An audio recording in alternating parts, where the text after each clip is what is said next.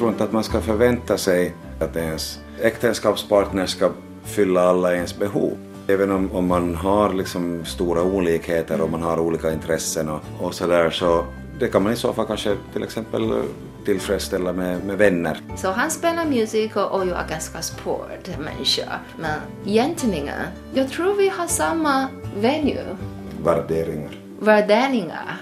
Så där vi har ganska samma point.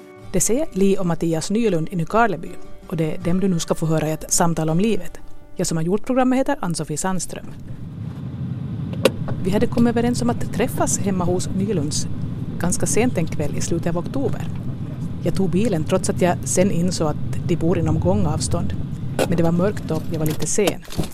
Mattias hade just kommit hem från Helsingfors och barnen var hos farföräldrarna. Ja, goddagens. God dag! Hej, välkomna. Hej! Jag har länge vetat vem Mattias är, för Nykarleby är ju en småstad. Hur länge har ni bott här i det här huset? Sen 2011. Jag visste att han i många år bodde utomlands och jag visste också att han i något skede flyttade tillbaka till Nykarleby med sin kinesiska fru Li. Men jag hade inte riktigt klart för mig vilka olika länder han hade bott i eller vad han hade gjort. Och jag var lite nyfiken på vad det var som fick Mattias och Li att välja att slå sig ner i en småstad som Nykarleby. Före vi träffades så under tiden i Kina att i, i 15 år så har ju jag åkt runt och bott på olika ställen men att det slutade då rent bokstavligen på mammas gata. För vi bor på samma gata som mina föräldrar. Och så ville jag gärna veta hur de hade träffats och hur de annars ser på livet och framtiden.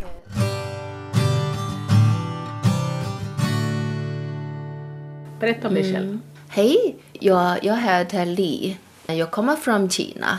Jag är 38 och det här jag ska fira 39.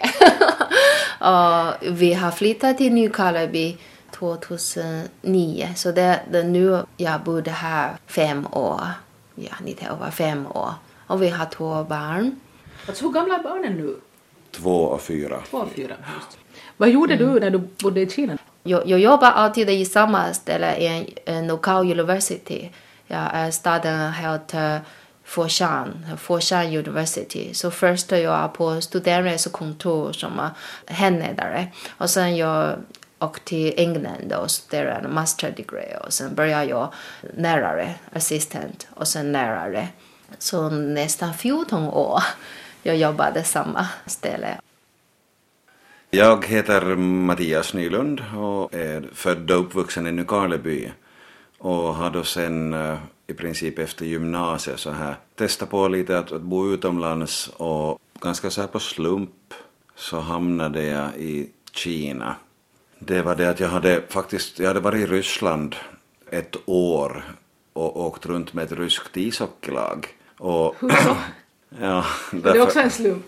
Ja, det var det en slump. Jag var intresserad av, av att åka dit och hade börjat spana på universitet. Men då i mitten av 90-talet så, åtminstone då och kanske nu ännu, så var terminsavgifterna var väldigt höga. Och då så lyckades jag istället då via, via faktiskt min mamma, som jobbar på magistraten, så kom hon i kontakt med en affärsman härifrån som eh, åkte ofta till Ryssland och berättade åt honom att, att jag har en pojk som skulle vilja, vilja dit men att det är så dyrt. Kunde du ryska då? Nej, inte före jag åkte. Nej, okej. Men att jag, jag efter ett år i en barack med 20 ryssar så kunde jag. Så jag åkte dit och det var då ett, ett professionellt lag i Petrozavodsk, eller Petroskoj, som jag bodde med i, i ett år. Men det var det då när jag hade, sen åkte jag i armén och, och efter armén hade jag tänkt att jag skulle åka tillbaka till Ryssland och, och, och studera vidare kanske mer så här formellt eh, ryska och jag beställde då efter från ett svenskt företag. De ordnade, jag hade läst i, i, i min pappas resetidning som heter Vagabond, så hade jag sett annonser om sådana studieresor till Ryssland. Så jag beställde efter deras broschyr och där så fanns det också ganska många olika alternativ, typ Sankt Petersburg och Moskva och kanske Omsk och många olika städer i Ryssland. Men problemet var det att alla universitetskurser började på hösten. Jag kom ur armén i mars. Och då var det så att på den här broschyren, på deras sista sida, så här rent bokstavligen, så var deras nyhet för året och det var då språkuniversitetet i Beijing. Och det började 5 mars. Då fick jag liksom den här första tanken att, hmm, att om man skulle testa på det. Och mm, så blev det att jag åkte dit på skoj till en början. Alltså det var en liten sån här belöning för avklarad militärtjänst och det var ju en sån här fyra månaders termin och språkstudier som jag hade tänkt ta ganska lätt på. Jag tänkte att, att jag kan ju lära mig lite talspråk och jag var fast besluten av att det här skriftspråket det tänker jag aldrig börja med för det vet vi alla att det är omöjligt. Men eh, första dagen i skolan fick vi 40 skrivtecken i läxa och dagen efter så var det skriftligt förhör och så höll, höll vi på i flera månader. Så det blev mycket seriösare än vad jag trodde men som tur så, så väckte det också ett intresse hos mig och, och så märkte jag också att jag hade ganska bra fallenhet för det. Så Vilket år var det här? 1996. Har du lätt för språk i största allmänhet? Att, Ja, ja, ja, du har det. Så att det, det är klart, men det, det var ganska intensivt. Så, och, och sen blev det också att, att jag, jag stannade första sessionen då så istället för fyra månader så var jag ett och ett halvt år. Så jag förlängde det. Sen så började på Åbo akademi. Vad läste du där? Jag läste handelsrätt. Men eh, det tog... jag hade faktiskt vunnit inträde till akademin redan 1996. 2008 så tog jag då en kandidatexamen. så det var så här. Alltså jag, jag studerade i och för sig rätt flitigt men jag var där så kort tid. Jag var då ett år eller någonting så åkte jag till Ryssland igen. Sen var jag ett år i Åbo, sen åkte jag till Kina då andra gången och åkte och studerade på Pekings universitet. Sen efter det så började jag jobba faktiskt på Radio Extrem. Jag minns att du var där i något skede. Ja, men det- det var det nog... 2001. Sen åkte jag till Japan ett år. Ja, du var där också, det hade jag glömt. Ja, jag var där och studerade ett år. Sen när jag kom tillbaka till Finland då, så då började jag jobba med uh, sån här projektionsdukar. Att jag började starta ett eget företag och importerade. Och det var via det företaget som jag importerade av. De sände mig sen till Kina för att bygga en fabrik åt dem. Och det här var då 2005-2006 som vi då Ja. träffades. Vad, kallar du kinesiska liksom mer eller mindre flytande i det skedet? Ja, ja, Ja, det kan du säga. Jo, jo. Ja. Och det var ju det som gjorde att jag fick jobbet. Jag gav ut en bok i fjol som jag skrev på baksidan av boken faktiskt. För det handlar om att jag var ju dit och byggde upp en fabrik och sedermera då drev den här fabriken som verkställande direktör. Och före jag fick det jobbet så hade jag aldrig varit inne i en fabrik. Och, och jag är ju som humanist och, och, och så här till läggningen. Så att det var ju språket främst. Och, och förstås att jag var lite bekant med den här produkten eftersom jag hade importerat den i ett och ett halvt år. Var tanken att du skulle stanna där då? Jag hade, de, de ville ha mig på ett och ett halvt år. jag hade försökt få ett bara ett års kontrakt. Därför jag var medveten om att jag skulle bo ute på ett industriområde. I och för sig bo bra, men, men ganska så här lite isolerat. Så jag hade, jag hade försökt få det till ett ettårskontrakt, men i slutändan så blev det fyra år ungefär. Och naturligtvis var det ju eftersom jag träffade Li. Att skulle inte vi ha träffats så skulle jag kanske ha åkt hem då efter ett och ett halvt år. För det hade blivit lite ensamt kanske. Li berättade här tidigare att hon i många år jobbade på universitetet i Foshan, en stad med ungefär 6 miljoner invånare. Och, och i samma staden så vi söker varandra som Mattias också på internet. Ja, det var så ni träffades? ja, annars så vi kanske aldrig träffas. För att det är så många människor. Så vi träffades bara en månad efter att jag hade flyttat dit tror jag. Så redan det så hade det börjat bli så här lite att att sitta i ett sånt här, i och för sig ett, det var lite så här lyxgetto som jag bodde i, att fina lägenheter och stängsel och, och vakter och, och vackert och fint. Men det var lite tråkigt. Så därför var du ute på nätet och sökte någon? Ja, Li ville gärna träffa en utländsk man eftersom hon var bra på engelska och hade studerat utomlands ett par år. Jag studerade två år i England så jag är intresserad av uh, europeiska killar. Och så jag också, jag är ganska stor flicka i Kina. Ah, jaha, ja, så var det svårt att många kinesiska män, speciellt det här Foshan, så det var södra Kina, så många män är ganska kortare än man från norra Kina. Men kan inte mannen få vara kortare då? Eh, Det kan, men många man vill inte. Okej. Jag har märkt det, jag har kanske någon gång min chef Udna som träffas för mig. Men första minuten har jag märkt att ah, han är inte intresserad, han tycker jag är som, inte som en typisk kinesiska kvinna.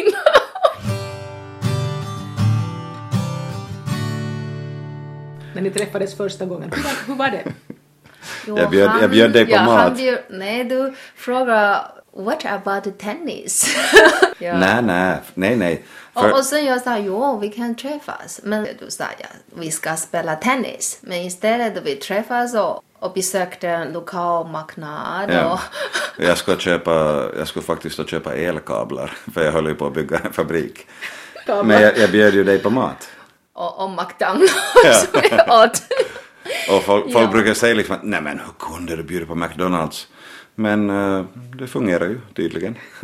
kanske om vi skulle ha farit till något så här snofsigt ställe med, med levande ljus så kanske vi inte skulle vara tillsammans idag. Vi tog inte, inte som en official date. Så vi ja, vi träffas och se.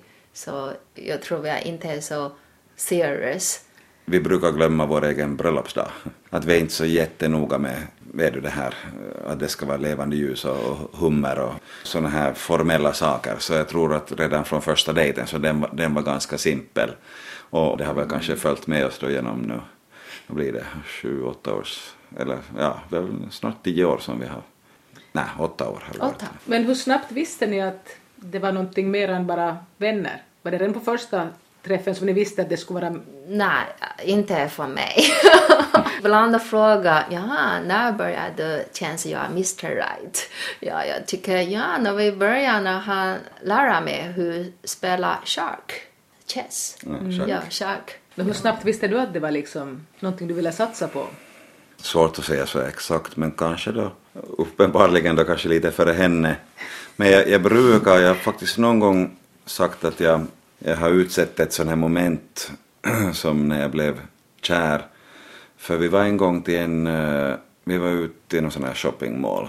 Och så satt vi i bilen och diskuterade, vi satt och diskuterade det här hur man ska undgå att få pengarna stulna av ficktjuvar.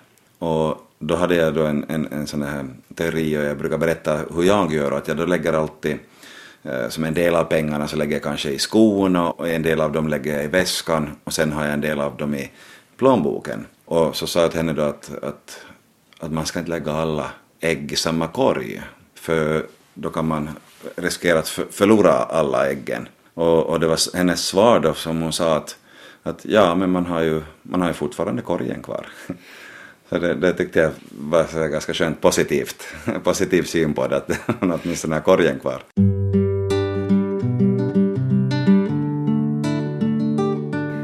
Vilket skede började ni tänka på att ni skulle flytta från Kina till Nykarleby? Det var nog när jag fick sparken. Fick du sparken? ja.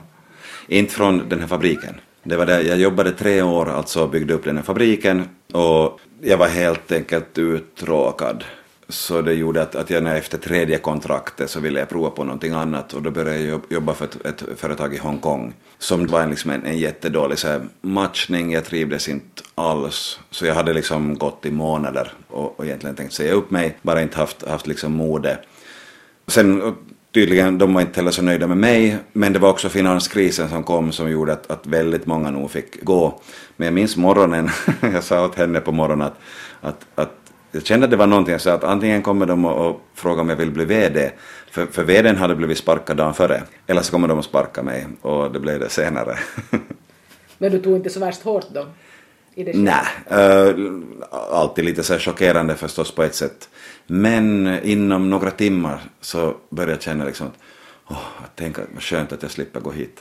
Så det var ett jobb du inte trivdes med alls? Absolut inte. Det är det enda jobbet jag någonsin har haft egentligen som jag inte har trivts med. Ja, han själv också började lite hosta och endast han hade problem. Ja. För det var jättedålig luft så, så jag också... Men jag tror också stresssymptom. Jag har också stress många timmar varje dag.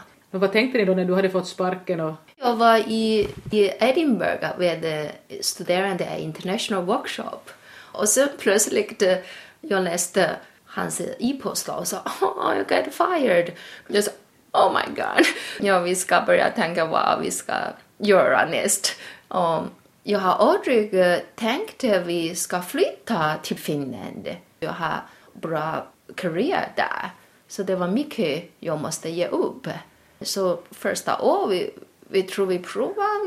bo i Nykarleby se om han kan hitta jobb. Men... Så det var liksom bara på prov ni kom Jo. in? Det var inte definitivt? Nej, Nej, nej, nej. Och, och, och sen jag tror att första slutet av första månaden så märkte jag uh, gravid. Så det ändrar kanske lite? ja, det ändrade jag. tänkte, Ah, mm, vi kanske... Och jag fick ju de facto jobb fyra dagar efter att vi hade kommit hem. Fyra Ja. Eller jag, jag sökte jobb alltså innan vi hade flyttat och det är faktiskt där jag jobbar för tillfället också.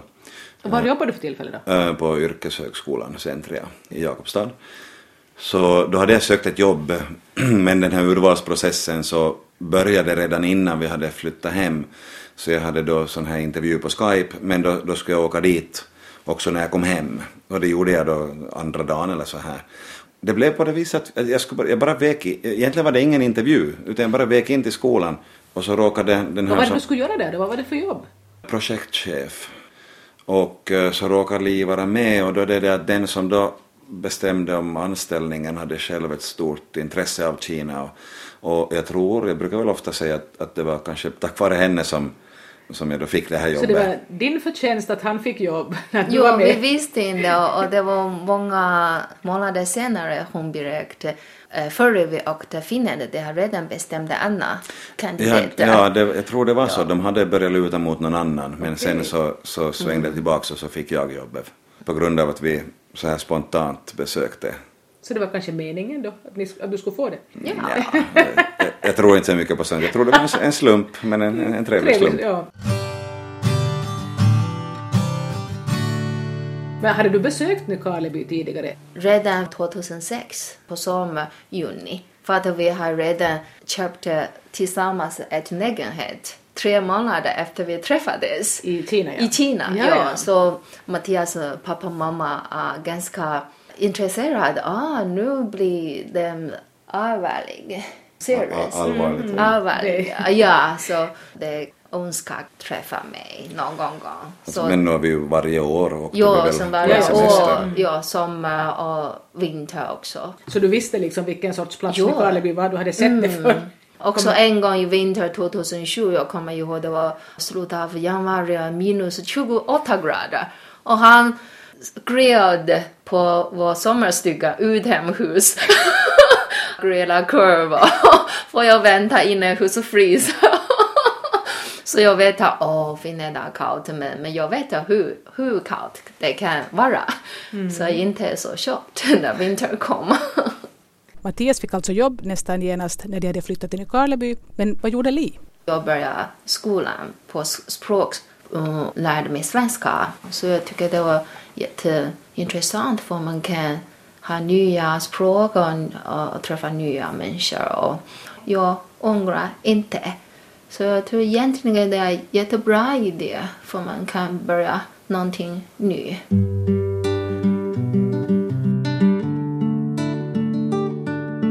Li och Mattias Nylund har idag två barn som är två och fyra år gamla.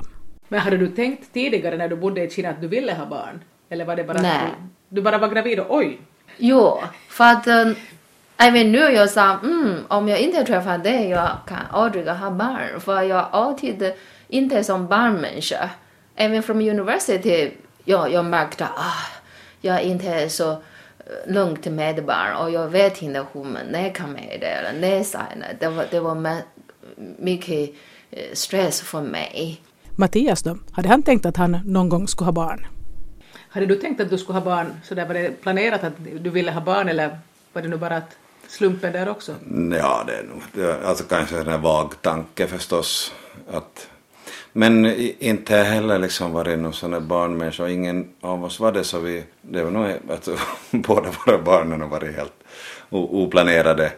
Men det har gått precis lika bra för det. Och jag tror att vi också egentligen under graviditeten med första barnet så jag, för att för mig så ändrar ju egentligen inte så jättemycket.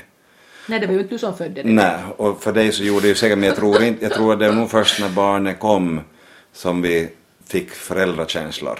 Och jag tror, jag tror speciellt då kanske för män eftersom vi då inte, inte liksom bär själva barnet. Och jag tror det var rätt bra att jag, jag satsade lite, jag tänkte tanken att liksom att det kommer, jag liksom försökte inte piska fram en sån där stämning att åh, jag ska bli pappa. Eh, och, och sen när barnet kom så kom liksom de känslorna. Och jag tror, eller jag gissar att det för dig kanske var lite samma sak. Ja, jag har aldrig eh, tänkt om jag, hur ska man leka med ett barn eller vänliga dag. Och på ett dejt, en man sa ah, du ser som mamma typ. Så jag sa, ingen nästa gång träffas. Så ifall de såg dig, oj, mamma, det var, det var inte din grej då? Nej, jag sa, nej, jag inte tänker ingenting på barn. Fastän jag 30 inte som ung flicka. Men när barn kommer så, ja, som en natursak, kvinnors instinkt. Men Ja, det, är väl, det är väl liksom någon sorts kopplingar som gör att Ja. när barnet väl har kommit så då, då vill man ta hand om det. Har jag hört berättas, jag har inga barn så jag vet inte. Ja, jag sa. Nej, jag har, jag har bara hört. Ja, Så är mm, det ja, det var, Men jag, jag tror det är kanske också lite samma sak. Och det är kanske liksom grunden till varför vi fastnar för varandra. Att, att inte just bygga upp så mycket förväntningar och, och inte eh, ta ut så mycket i förväg. Jag tror att det ligger någonting likadant i det att vi, vi tog liksom barnens ankomst lite så här som det kommer. På samma sätt som vi inte heller tar så jättehårt på alla hjärtans dag och, och bröllopsdag och, och så vidare. Och det kan ju vara att man, eh, desto mer man bygger upp så, så finns ju förstås då möjligheten att, eller risken att, att man blir besviken. ibland han, han för att vi har inte så mycket gemensamma intresse. Så han spelar musik och, jag är ganska sportmänniska.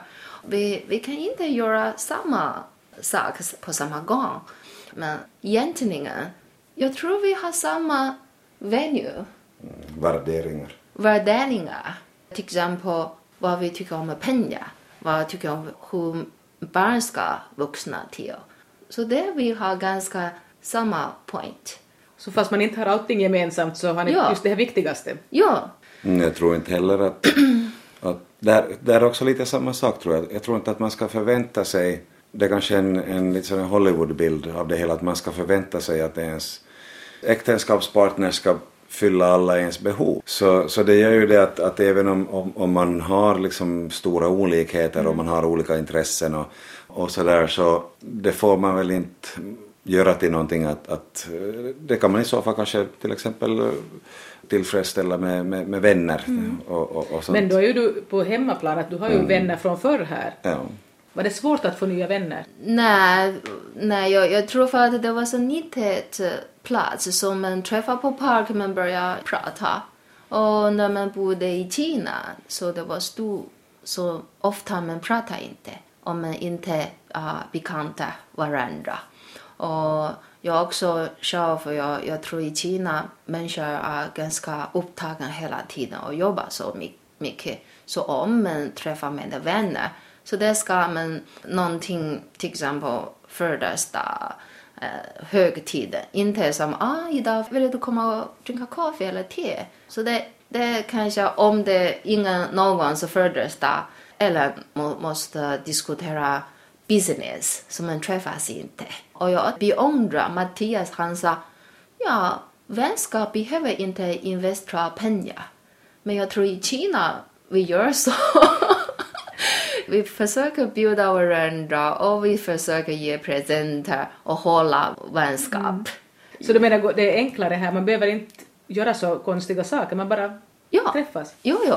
Och om man, speciellt när man har barn som eh, vi träffas ofta. Så man träffar andra som har, också har barn. Jo. Ja. Mm.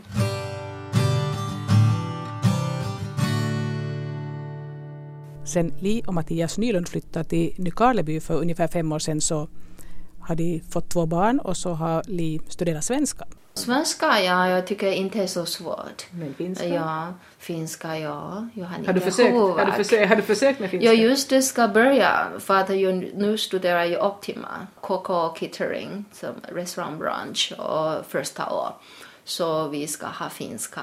Men jag ska sitta i klassrum med eh, finska för nybörjare. Så det är kanske bra för mig. Li håller alltså på att skaffa sig ett yrke inom restaurangbranschen.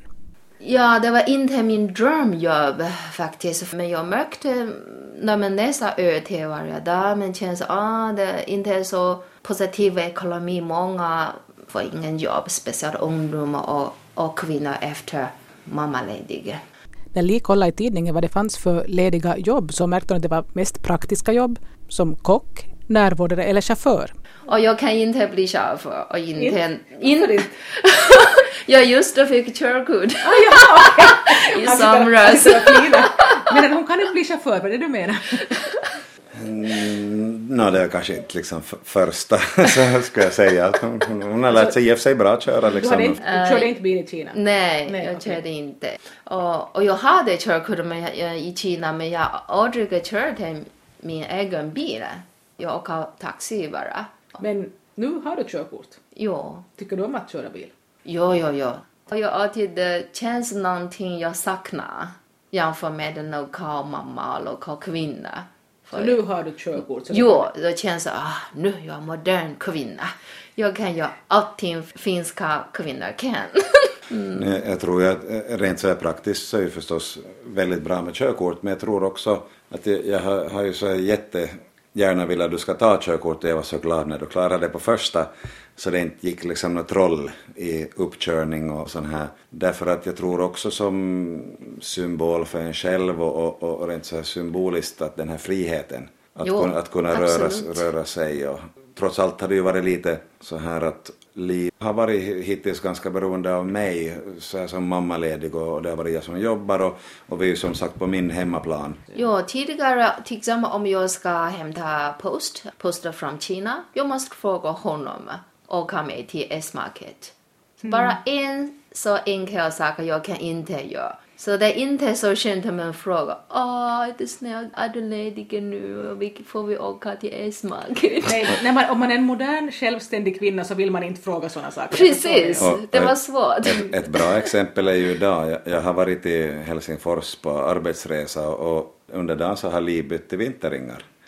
I och för sig på skolan så hon Ja. gjorde inte handgripligen men åtminstone har hon, hon har skött om så att vi har fått vinterringar på bilen. Så det är ju bra. Och du kunde få hämta honom till tåget. Ja, många gånger. Han åker nästan varje onsdag. Nu under hö- hösten så här så jag åker ibland till Helsingfors och håller föreläsningar. Vad är det du gör där med ditt projekt då? Vad är det du liksom... Uh, alltså jag utvecklar sådana språkspel. Alltså alternativa metoder för att lära sig språk och vi håller på med sådana här Språk överhuvudtaget eller något? Nej, det här gäller då svenska för, för invandrare. Okej.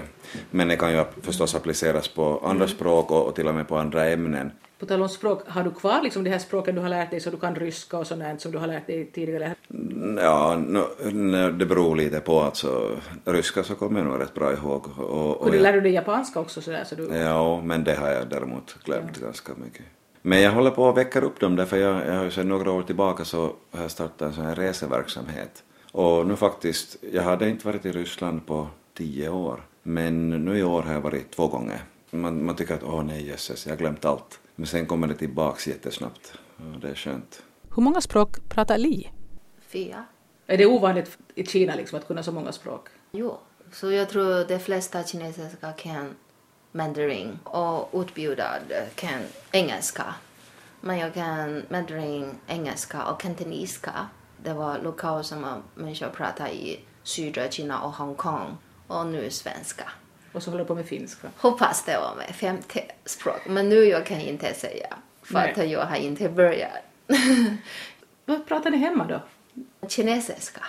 Barnen pratar kinesiska till mig och svenska till Mm. Mattias. Men vi mera kinesiska så får barn alltid höra och, och prata kinesiska.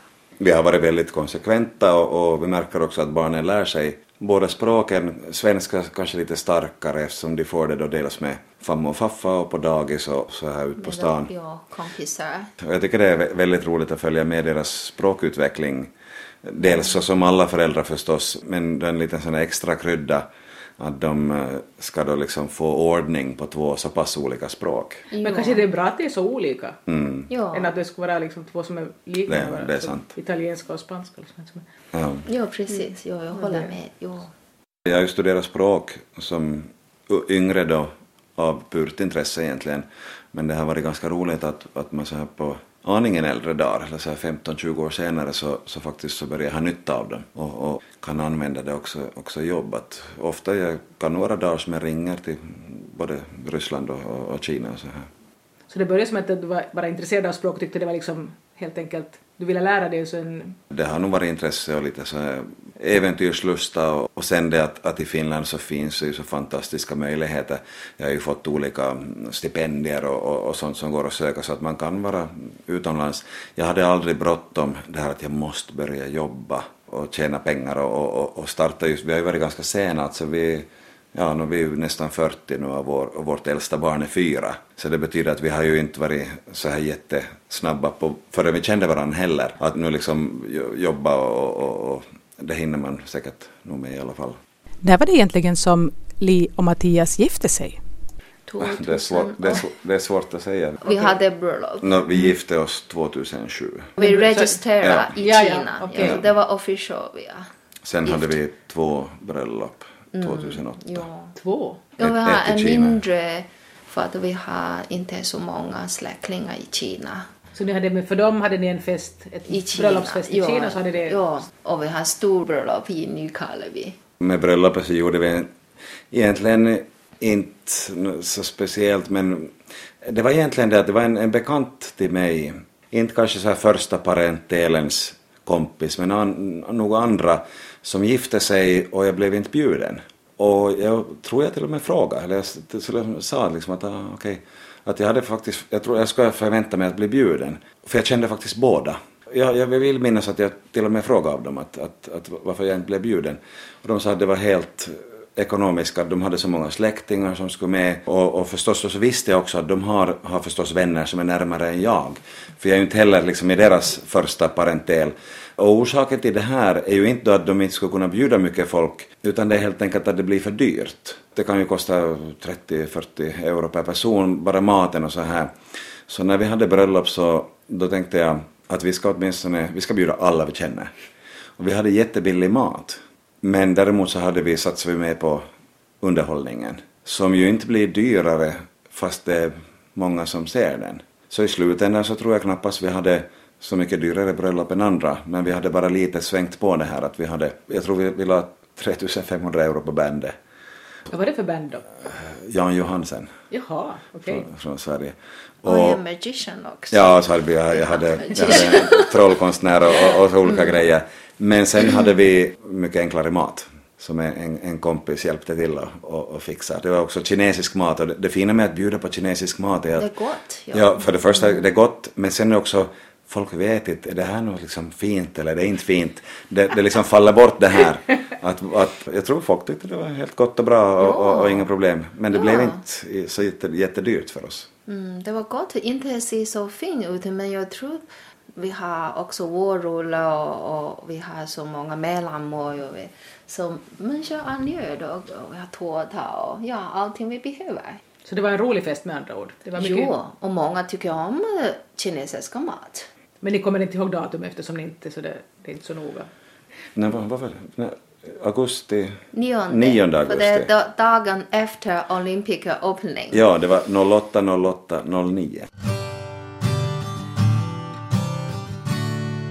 Tror ni att ni någon gång kommer att flytta tillbaka till Kina som det känns nu? Förr eller senare. Inte, vi, vi kanske besöker men inte börja jobba i Kina. Det, det mm, tror jag no, det. Men kanske, ja, men inte så permanent kanske med Nej. att åka något år men det är ju kanske när barnen är större i så fall. Så är det som en helt annan takt liksom på arbete och allting där, att livet liksom är mera hetsigt där? Jo, och speciellt med barn för att ja, det, skolan i Kina är jätteannorlunda jämfört med eh, Finland skolan. Barn är mycket stressade. Vi har väl i princip bestämt att barnen ska ha sin skolgång här. För den allmänna skolan här är väldigt bra.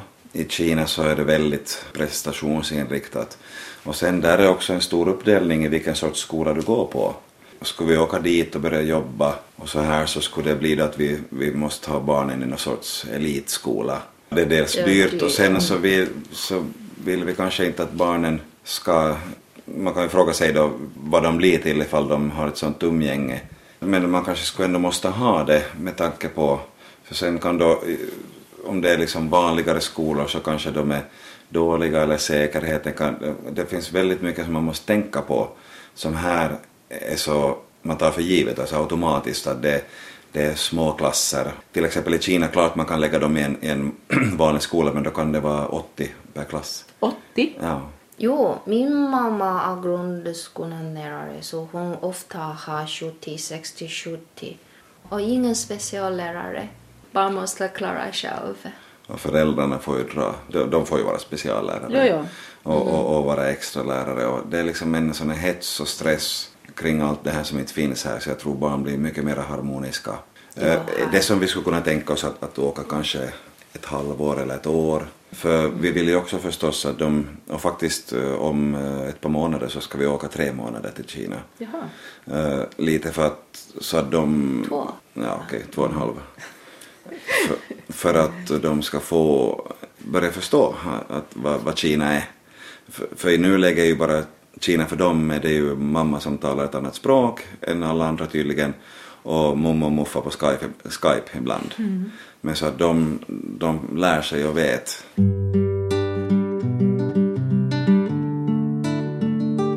Nu har Li och Mattias alltså bott fem år i Nykarleby. Så hur var det att slå sig ner i en småstad?